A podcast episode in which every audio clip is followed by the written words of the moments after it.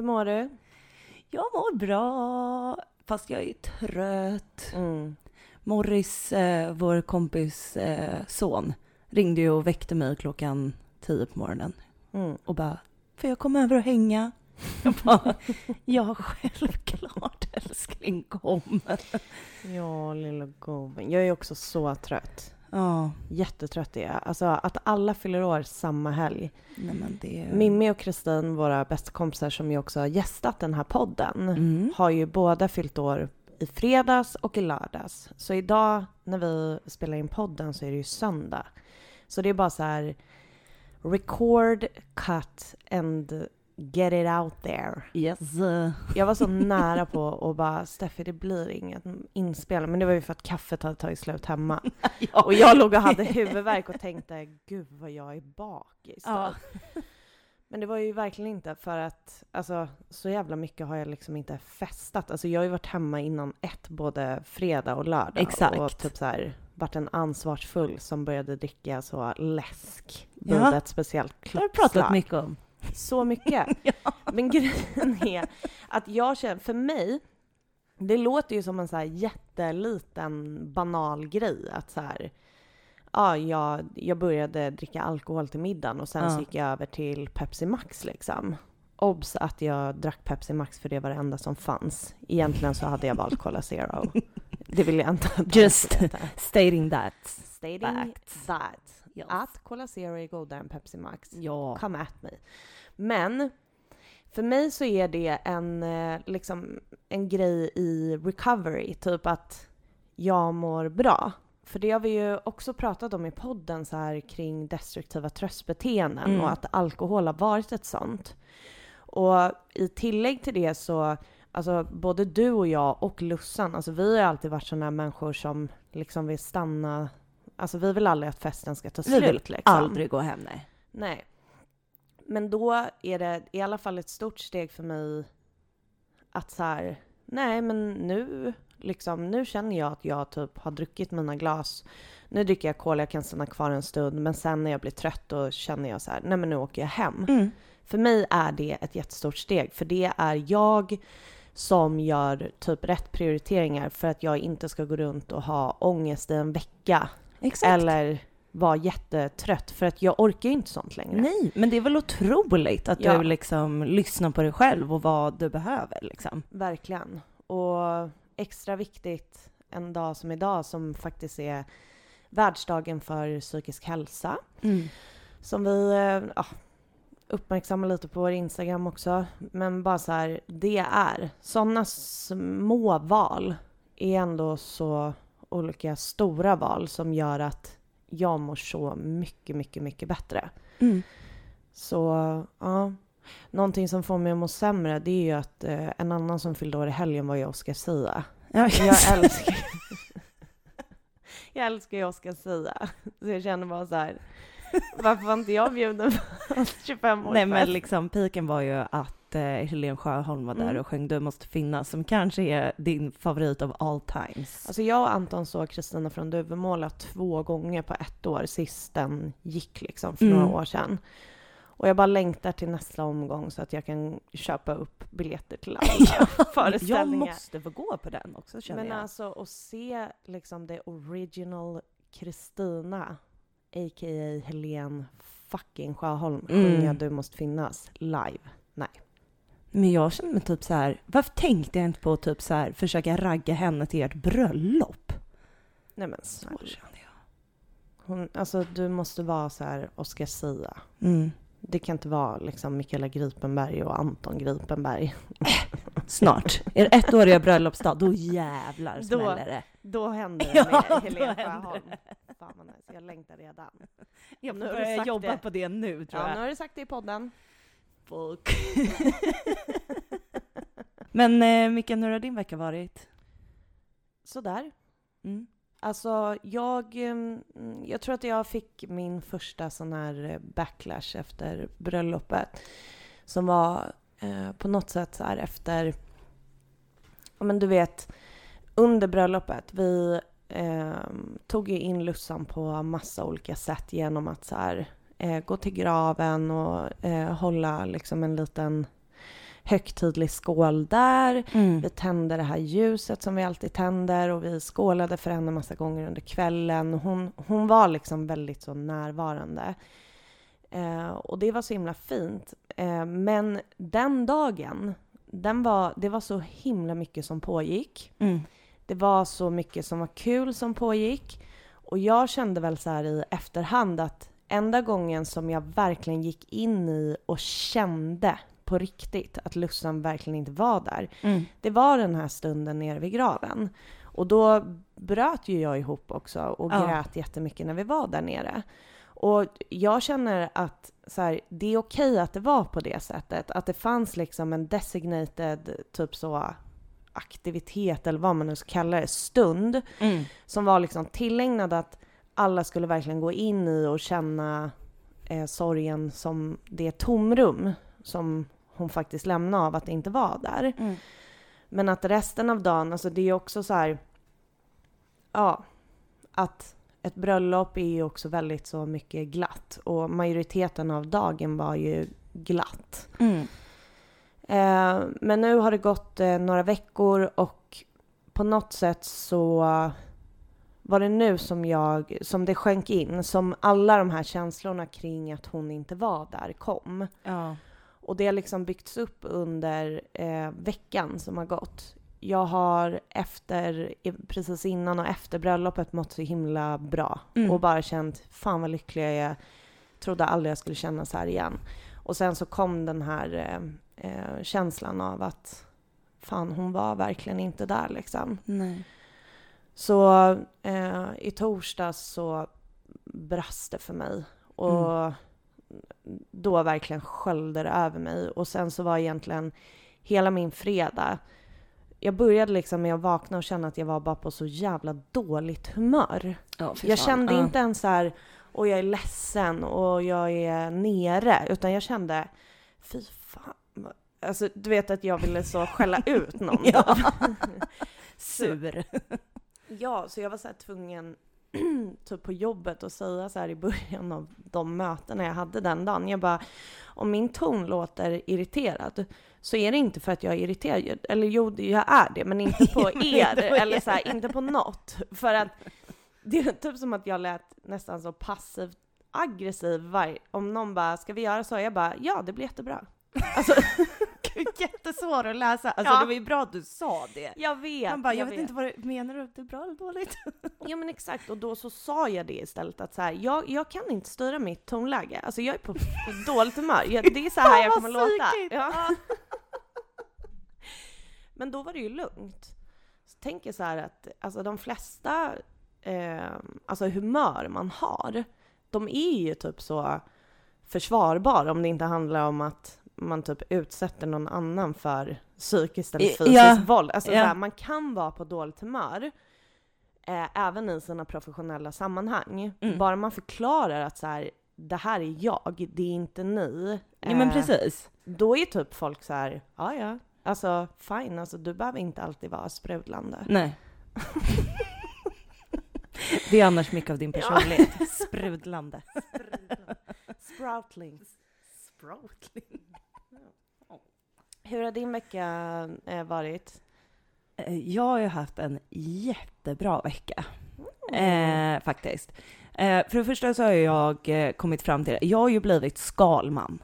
Alltså jag och mina jävla rutiner är liksom eh, helt sjukt. Alltså jag somnar ju klockan tio varje kväll. Mm. Senast liksom.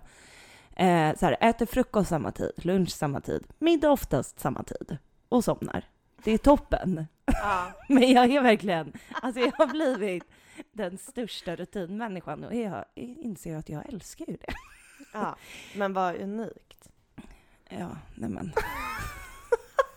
Jag är en sån Du där bara beskriv, beskriver så här jättemångas liv. Du bara, ja, jag har gått in i en ny fas i mitt liv. Den här unika Skalman-fasen. Men vad härligt. Jag har ju blivit skalman. Men du mår nej, bra men- av det liksom? Ja, jag mår bra. Alltså, jag sover ju typ nio timmar per natt. Ja, det är ju Det är otroligt. Ja.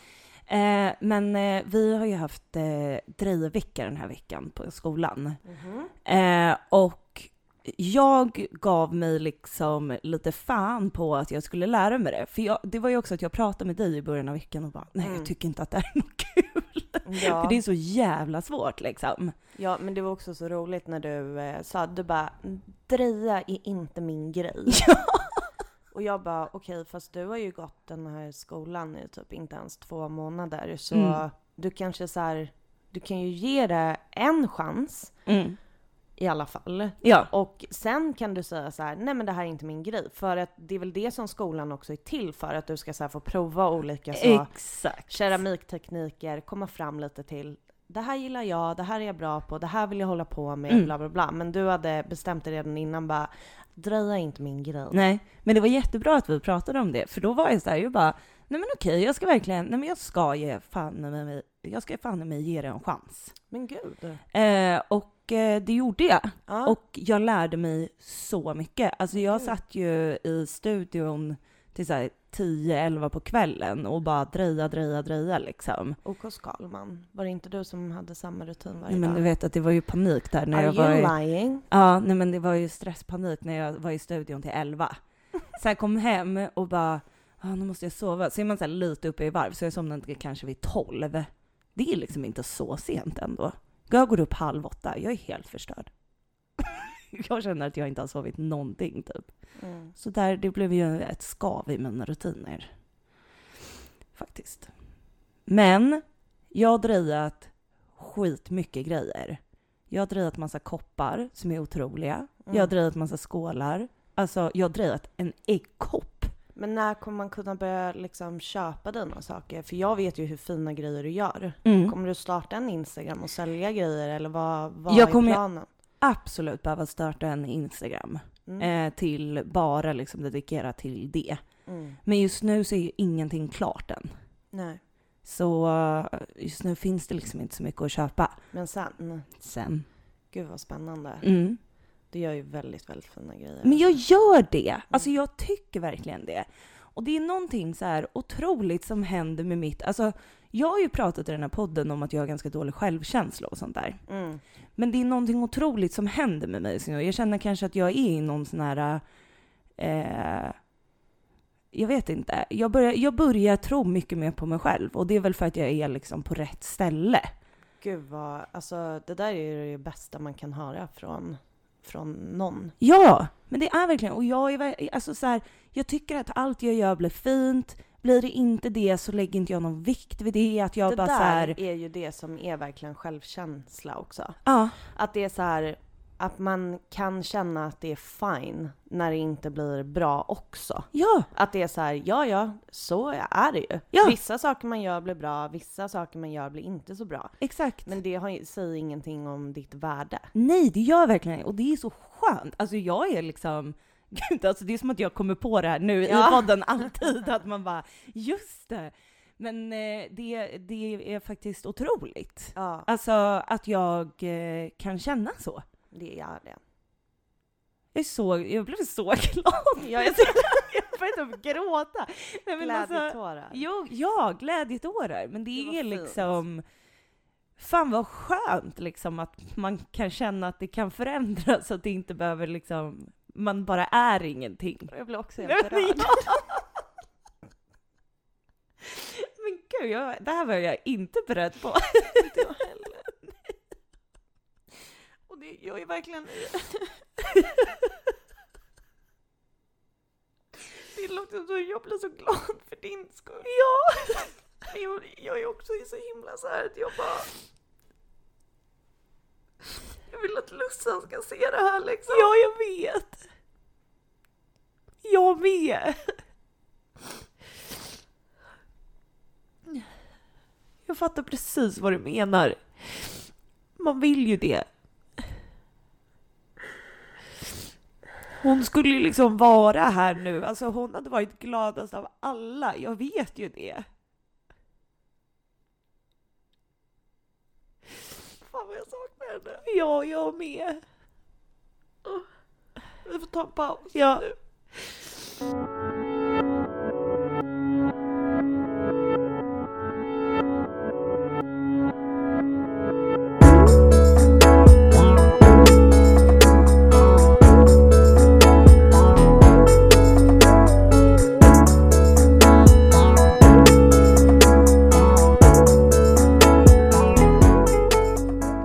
Det här är Vem vill prata med en sorgsen? Jag heter Mickan och jag har samlat mig lite. och jag heter Steffi. Och jag har också samlat mig nästan. jag känner mig fortfarande lite skör. Mm, jag är jätteskör kände jag nu. Men det är så här det har varit liksom eh, hela veckan. Mm. Alltså att verkligen... Alltså jag inser så himla mycket nu. Alltså hur mycket Lussan fattas hela tiden i så här... Ja men typ framförallt i de här grejerna som är typ... Eh, jag menar du berättar om, om att du mår bättre och Mm. tycker bättre om dig själv och så. Mm. Alltså jag vet liksom att jag har haft sådana konversationer om Lus- med Lussan, alltså om dig. Typ så här, Ja, ja. bara- att man alltid har blivit så glad när du tycker om dig själv. Ja. Alltså så, och det är så himla fint att se hur det verkligen händer så här äh, inifrån, Mm. eh, på riktigt i dig liksom. Mm. För förut så har det varit som att du har tagit olika så eh, steg, alltså i, i perioder och så har det varit så här, nu gör jag det här och då, då ska jag må bättre typ. Mm. Men så har det liksom inte blivit sådana här långsiktiga, men det Nej. känns som att typ hela senaste året eh, så har du gjort massa olika saker och det är så fint att se dig eh, utvecklas och liksom eh, tycka om dig själv som Mm. du förtjänar. Mm. För att du är en sån himla otrolig person Ja. och jag vet bara hur liksom, hur Lustan hade varit så himla glad och, och känt sig så stolt och liksom nu med den här utbildningen och att du gör Mm. det och att, ja men som du säger att du, du, du är så bra på det och du vet om det. Ja, jag vet. Det är bara, det är så fantastiskt att se. För att vi som är din familj och de som älskar dig har ju alltid sett det. Ja, jag vet. Alltså du har ju sen vi var små på olika sätt varit kre... Alltså det började liksom med så här när du kanske, som jag minns det, när eh, liksom jag fyllde år någon gång, kanske 16 eller någonting. Du är Ja. alltså 14 bast och du gör så här jätteavancerade så cupcakes när Ja. det var så jävla inne liksom.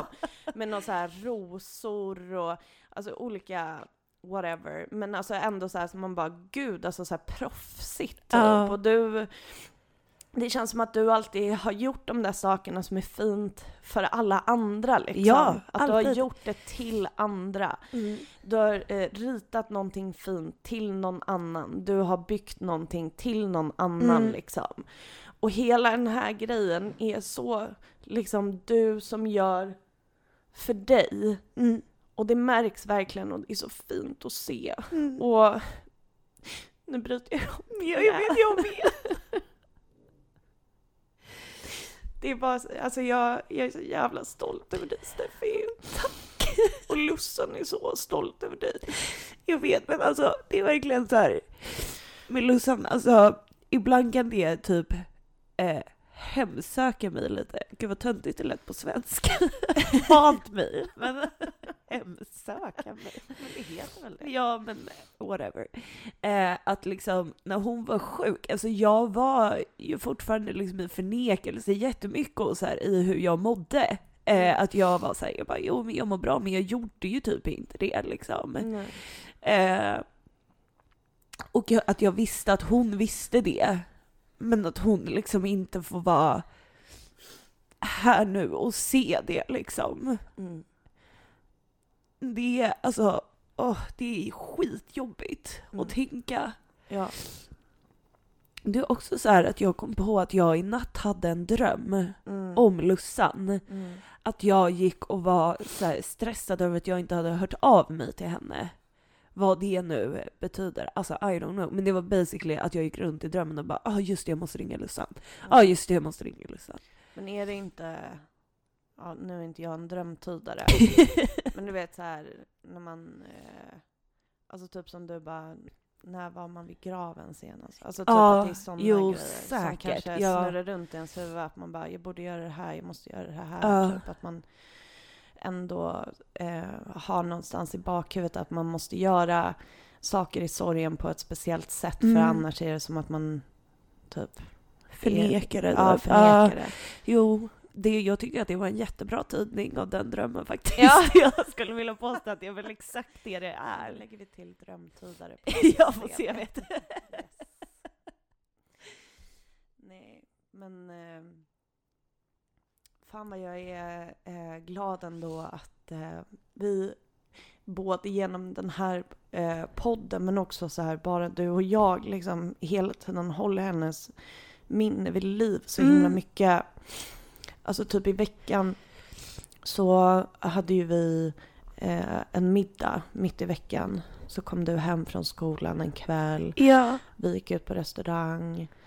Och så skulle vi absolut ha lite planeringsmöte och det hade vi. Men sen så hade vi liksom bara en middag också. Ja. Som var liksom tribute dinner. Bara, inte av någon speciell anledning att det var någon speciell dag eller alltså något sånt. Utan bara för att vi ville liksom bara vara i, i att hylla att Lussan fanns och finns Mm. eh, på det sättet hon ändå gör. Liksom. Mm.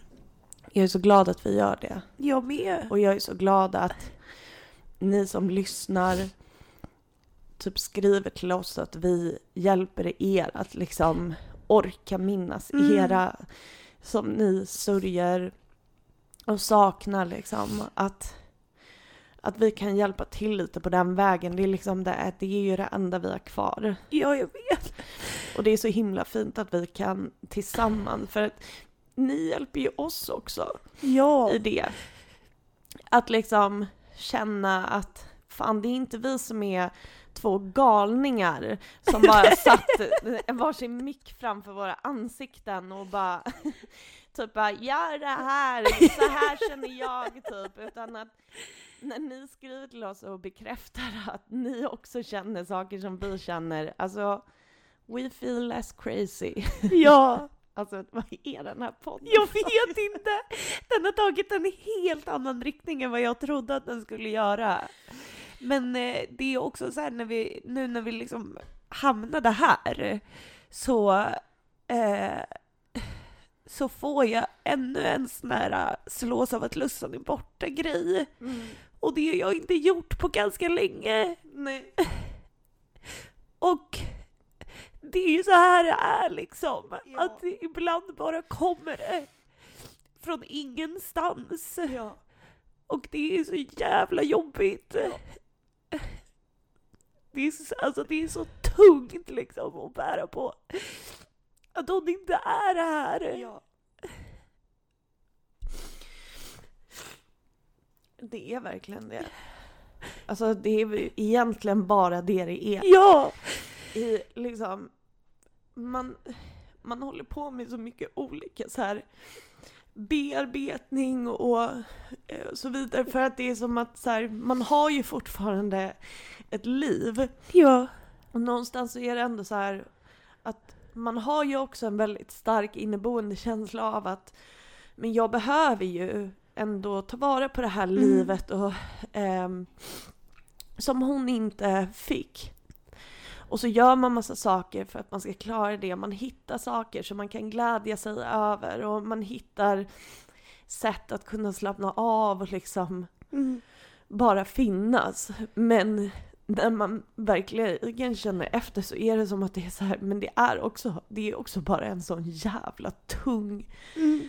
Börda att bära och liksom att ha förlorat henne, Mm. att ha sett henne gå igenom det som hon behövde gå igenom när hon var sjuk liksom. Det är också bara så jävla tungt och det är bara usch. Det är bara Alltså, vidrigt. Det, det är bara vidrigt. Ja, och ibland så känner jag så här. Vi pratar så mycket om sorgbearbetning och hur man, hur man gör det och liksom vad man gör.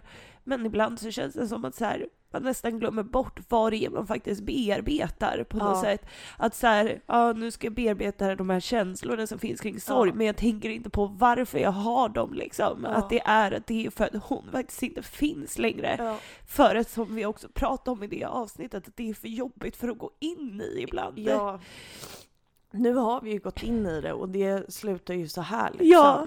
Och det är på något sätt, alltså det är ju inte någonting som var planerat Det var innan. absolut inte planerat. Men det är på något sätt, tänk om vi skulle sitta så här varje vecka. Det hade ju inte heller, det hade ju inte funkat för någon av oss liksom. Nej, det hade det inte. Men fan, så här är det också. Ibland när man bara släpper allt och struntar i att så här, hur ska jag göra det här? Mm.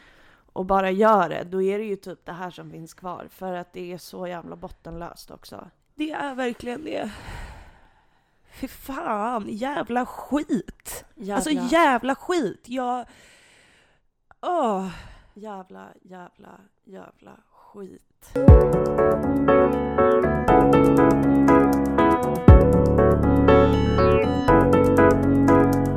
Hej igen Steffi! Okej, för er som lyssnar. Jag och Steffi tog en liten paus, vi gick ut lite grann och nu har vi liksom fått ur oss. Vi kände liksom att det, det gick inte att fortsätta poddavsnittet. Nej, inte utan att fortsätta gråta. Nej, och så där... eh, Det här, ja, så som det blev kan det ju bli. Mm. Men sen så kände vi att vi behövde vara utan mickarna framför Ja, ansiktet. faktiskt. Mm. Men du, Ja. vi har ju fått en eh, väldigt komplicerad eh, fråga till mejlen Ja. Som jag tänkte att vi ska eh, läsa upp. Vi får göra det, men eh, den som har skrivit vill vara anonym. Mm. Och så ser vi var vi landar. Yes. Hej Mickan och Steffi. Hej hej. Hej. Vill börja med att säga att jag älskar er podd. Tycker det är så uppfriskande att ni pratar om sorg på ett sätt jag aldrig trodde var möjligt. Tack, tack. Tack. När ni gör det så känns det så självklart att man får skratta och gråta i samma mening. Jajamän. Fan vad fint. Tack, ni är bäst. Tack, du är bäst. Gud, det här blir jätteförvirrande. Ja. Okej, jag bara läser nu. ja. Nu till en fråga jag funderat på ett tag.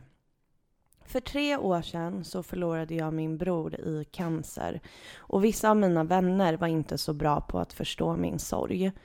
Många ställde upp och lät mig prata också när jag behövde. Men det var framförallt en av mina vänner som försvann helt. I ett avsnitt pratade ni om vad man ska göra med vänner som inte ställer upp och att man ska gå vidare från dem. Och jag håller med om det, men har ändå inte riktigt klarat det med denna vän då vi umgås i samma gäng. I alla fall, jag har känt mig så besviken på henne och nu för några veckor sedan så förlorade hon en vän, också i cancer. Jag är så förvirrad i situationen. Jag känner mig fortfarande besviken på henne som inte ställer upp för mig och jag har inte kommit över det helt. Samtidigt så vill inte jag göra samma sak mot henne som hon gjorde mot mig, alltså inte ställa upp. Hur ska jag tänka? Vad hade ni gjort i en sån situation? Jag vet inte vem jag ska prata om i det här och ni brukar ha så kloka tankar. Hoppas ni kan hjälpa mig på traven. Skål för Lussan och skål för Hugo som var min bror. Shit. Tack för det första, tack för mejlet. Eh, Ja, jag, verkligen. Alltså tack för en eh, så bra fundering. mm, Och- verkligen. Att den här personen tänker att vi kan säga någonting om det. Det är Ja. otroligt. Verkligen. Eh, nej men, som du sa eh, i början, alltså det här är, jag har verkligen försökt fundera över den här frågan. Men ska vi sammanfatta lite? Så situationen är egentligen så här att man, om man tänker så här, man själv är i sorg Mm. och man känner att det finns en kompis i ens liv som inte ställer upp för Mm. en. Och sen så förlorar den kompisen någon. Och man själv känner sig besviken och så vet man inte hur man ska vara i den situationen då för, för sin kompis. Mm. Och man vill inte göra samma sak som den personen gjorde mot en själv. Exakt. Ja, det är fan komplext alltså. Har du själv varit i den här situationen? Um, nej, eh, inte i förhållande till sorg på det här sättet. Mm. Men jag kan absolut relatera till känslan av att vara väldigt besviken på en vän Mm. som sen går igenom någonting och liksom brottas med de här känslorna. Bara hur ska jag vara mot den här? Den gjorde ju så här och så här mot mig eller gjorde ingenting med mig. Varför Mm. ska jag ställa upp för den liksom? Mm.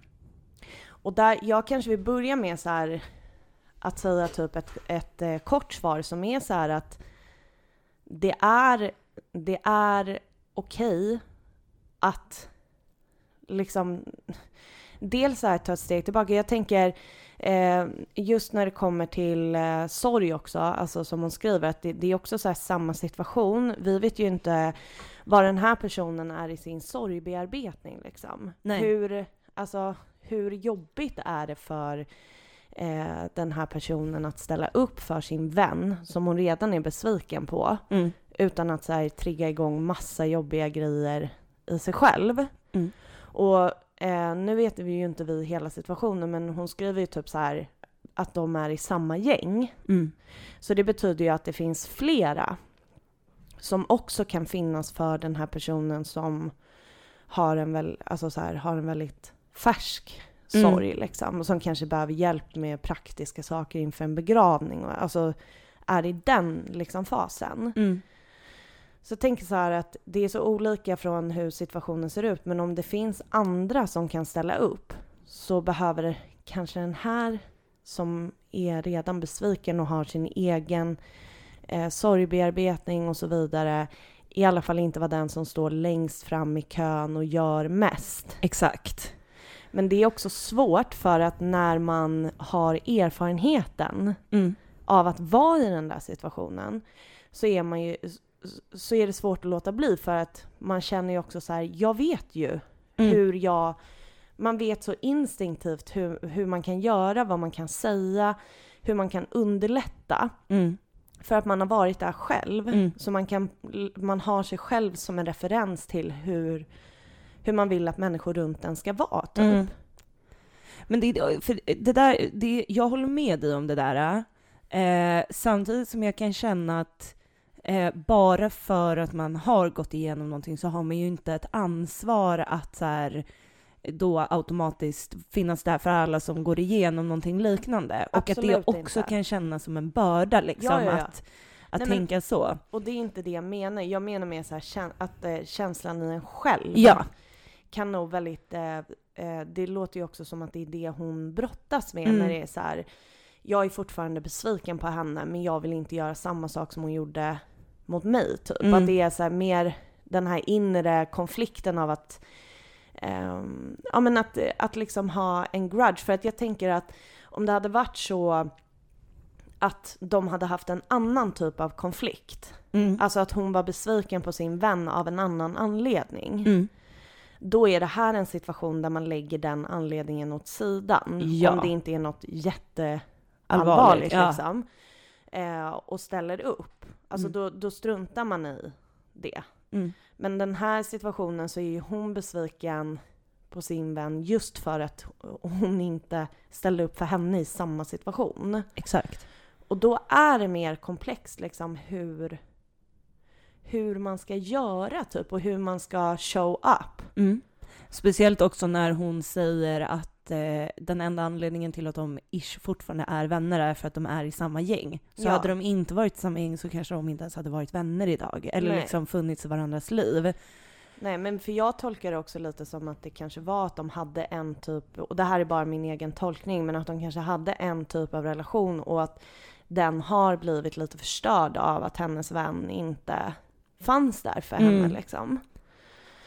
Vilket jag verkligen förstår. Ja men så blir det ju. Alltså, ja. det, alltså det är som, som jag också har pratat om att så här, jag förlorade eh, massa vänner för eh, massa, massa år sedan när jag liksom var traumatiserad. Och det är så här, vissa finns kvar i mitt liv men det är inte längre mina liksom Det är Alltså, inte samma, det är inte det är samma inte samma grej relation. längre liksom. Man är inte... Det, Man är är inte... inte- Så, det blir aldrig samma relation. Och man går igenom saker som faktiskt tar en ner i botten av Mm. ens mående, psykiska hälsa och så vidare. Och de som man tror ska ställa upp för en inte gör det. Mm. Då är det ju liksom någonting som går sönder. Mm. Och det finns kanske sätt att laga det, eller så gör det det inte. Jag vet inte. Och det där är väl verkligen från person till person. Mm. Men eh, för mig som person så Mm. är det så här, finns du inte där när det är som sämst och när jag mår som sämst så är vi nog inte bästa vänner längre. Nej. Jag behöver inte exkludera en person i mitt liv för den sakens skull, men relationen förändras ju. Såklart. Och, Men- där, och det är det som, förlåt. Mm. Ja. Nej, säg. säg. Nej men och det är det jag tänker att det låter som har hänt i den här situationen mellan dem. Mm. Eh, kanske då för, ja hon skrev att hennes bror hade gått bort för tre år sedan typ. Mm. Att det kanske redan då har liksom hänt någonting i deras relation som, som gör att de inte längre är alltså, så nära. Mm. Och då, då tänker jag att man kan, man behöver inte vända om klacken och typ så här, jag tänker inte ställa upp för dig. Nej, Men det finns ju mellanvägar. exakt. Alltså man kan, du vet så här, vad, vad är typ enkelt för en? Mm. När jag tänker på mig själv, vad som är enkelt för mig, det är typ att skicka ett sms där det står “Jag tänker på dig”. Exakt. Alltså, man behöver inte ens skriva typ så här “Ring om det är någonting”. Man kan bara show up. Mm. Alltså i, i ett sms. Mm. Man kan skicka en gullig hund Memes är Meme. bra. Ja. Alltså sådana små saker som ändå som ändå jag kunde uppskatta att folk gjorde Mm. Verkligen. och fortfarande gör när man mår dåligt. Mm. Det behöver liksom, alla behöver inte vara ens bästis och vara så här: jag kommer hem till dig nu, jag gör det här, jag gör det här liksom. Mm. Utan bara så här att känna typ att så här, gud, jag finns, jag finns med i någons tankar. Mm. Det, det, det betyder väldigt, väldigt mycket Mm. liksom. Så det kanske skulle kunna vara ett sätt att så här, finnas för den här personen utan att liksom ta ut sig själv på kuppen och att det blir så Exakt. mycket inre konflikt liksom. Mm. Ja, men för det är det jag tänker nästan måste eh, vara det viktigaste. Att inte liksom, att eh, så här, man har faktiskt inget så här, ansvar. Du måste inte vara den som står längst fram och håller den här personen i handen automatiskt för att du har gått igenom samma sak. Det Nej. betyder liksom inte att du måste vara där. Nej. Och att, så här, att du kanske skriver ett sms och säger jag tänker på dig. Mm. Det är automatiskt, liksom, då gör du inte samma sak som hon gjorde mot dig. Nej men Du precis. överger inte henne, men du liksom tär inte på hela dig själv Nej. för att liksom för att finnas där för henne. Mm. För det är det jag också tänker att det är, det är klart att det måste vara motigt i en. Att så här, helt plötsligt ska man vara där och liksom lägga jättemycket känslomässig energi. Också så här, kanske drar upp liksom saker i en själv, alltså det var liknande situationer.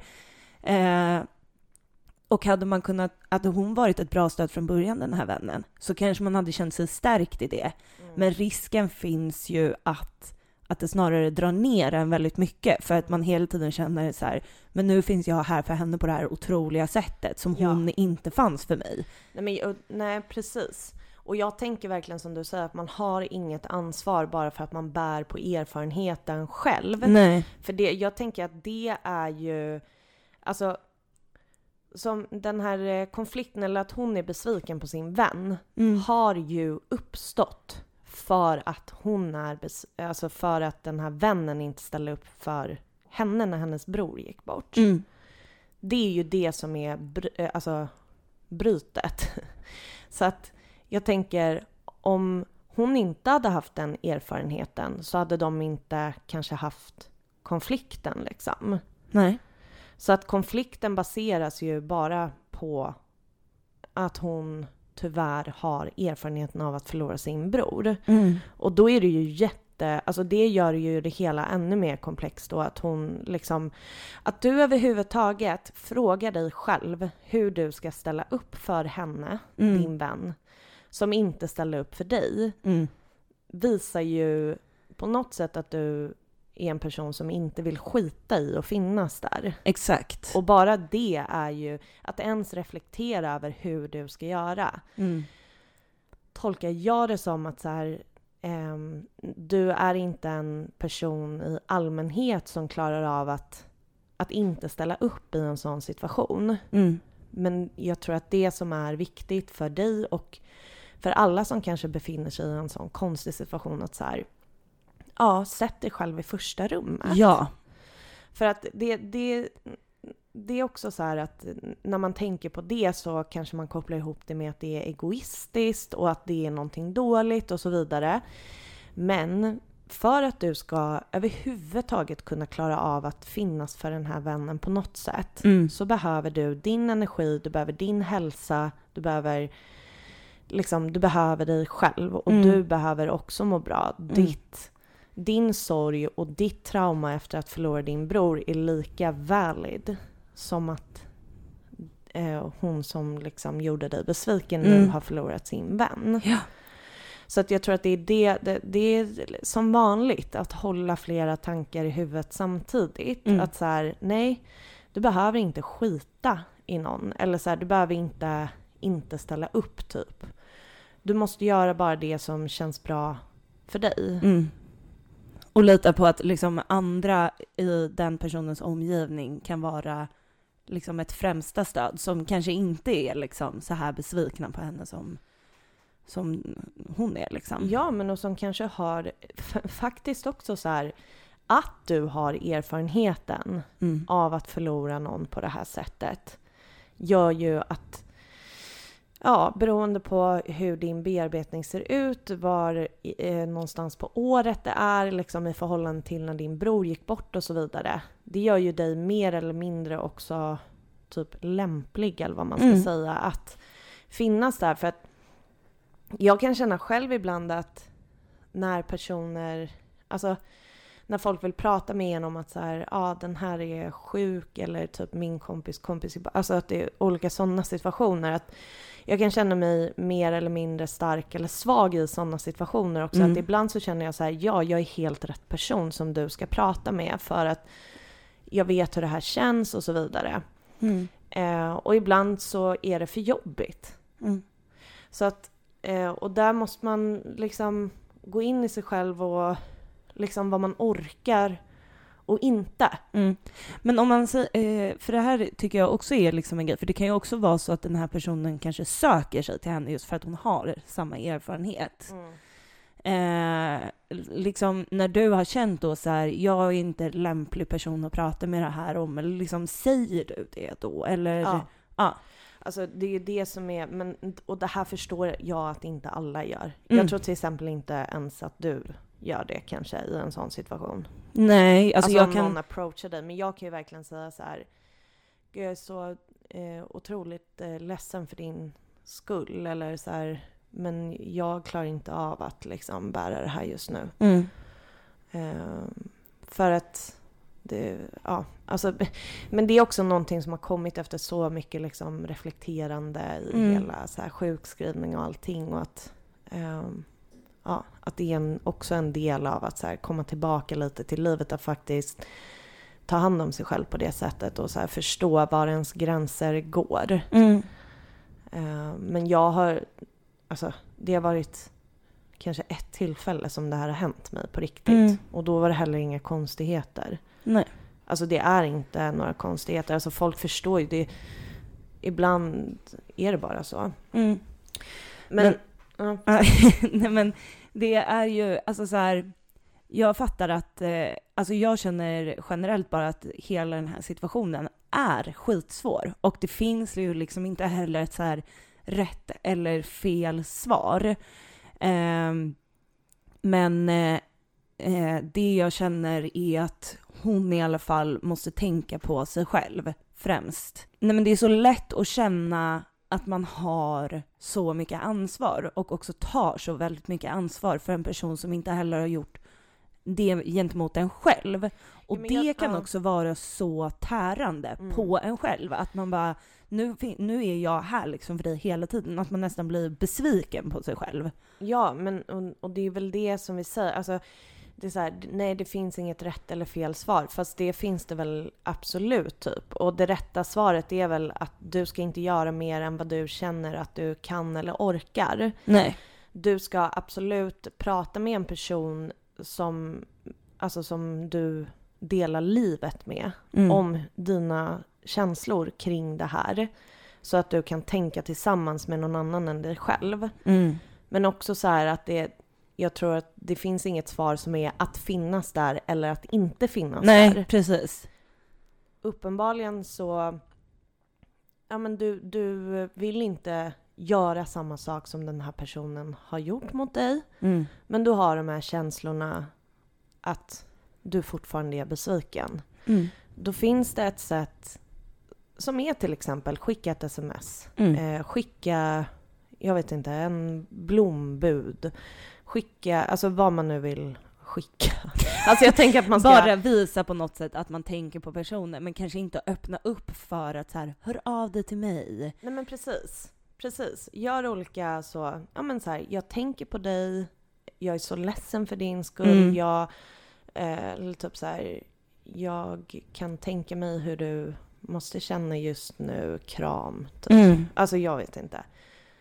Nej gud vilken... jag kan tänka mig hur du måste känna just nu, kram. Skriv inte det. Kram. Kram. Nej, men eh, vadå? Bara jag tänker på dig är väl en jättebra grej? Eller så här, det var många som, så här, som kanske inte var mina närmsta, liksom efter Lussan hade gått bort, som bara ibland då och då skickade ett hjärta. Exakt. Alltså så enkelt, men jag blev ändå så här så tacksam för det. För det bara visar så här, okej men du vet fortfarande, det är också så här skönt när man går igenom sorgen, att man vet att så här, folk har inte glömt. Utan liksom det här, det här vet, de vet fortfarande om, de vet att jag går igenom det här. Eh, och då är det är okej för mig att vara där jag är. Liksom. Ja. Och det, bara att göra en sån sak, gör jättemycket för henne. Ja, och jag, men jag tänker också så här, så länge du känner att det finns en konflikt i dig Mm. kring hur du ska finnas där för henne, så vet du om att du inte klarar av att finnas där mest av alla. Nej. Alltså jag tror att den inre konflikten är någon slags kvitto på att du egentligen vet att du inte klarar av att vara den personen. Mm. För att du är besviken på din vän Mm. och det är fine. Ja. Och då är det så här, nej, men finns på ett lagom sätt för henne som är hållbart för dig. Mm. Gå inte längst fram i ledet och bara nu gör vi en krisplan för den här personen, hur ska vi göra det här, bla Nej. bla bla.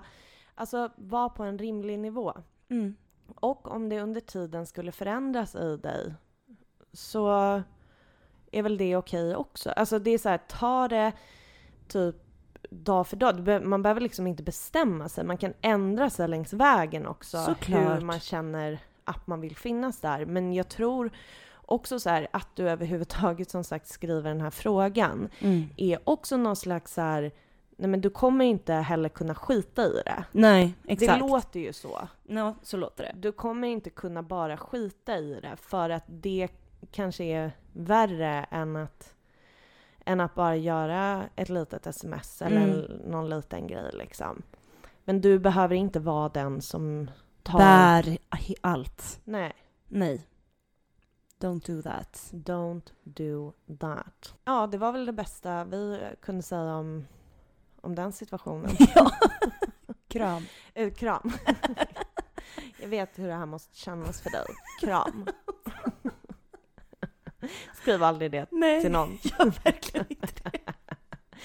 Men eh, jag skulle i alla fall vilja bara avsluta med att säga så här.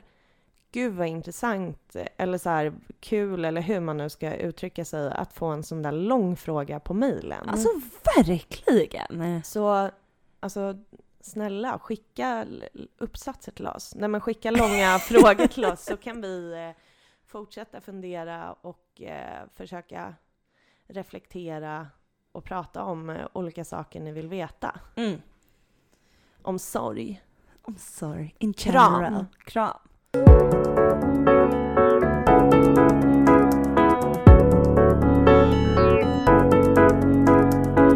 Vi finns på Instagram.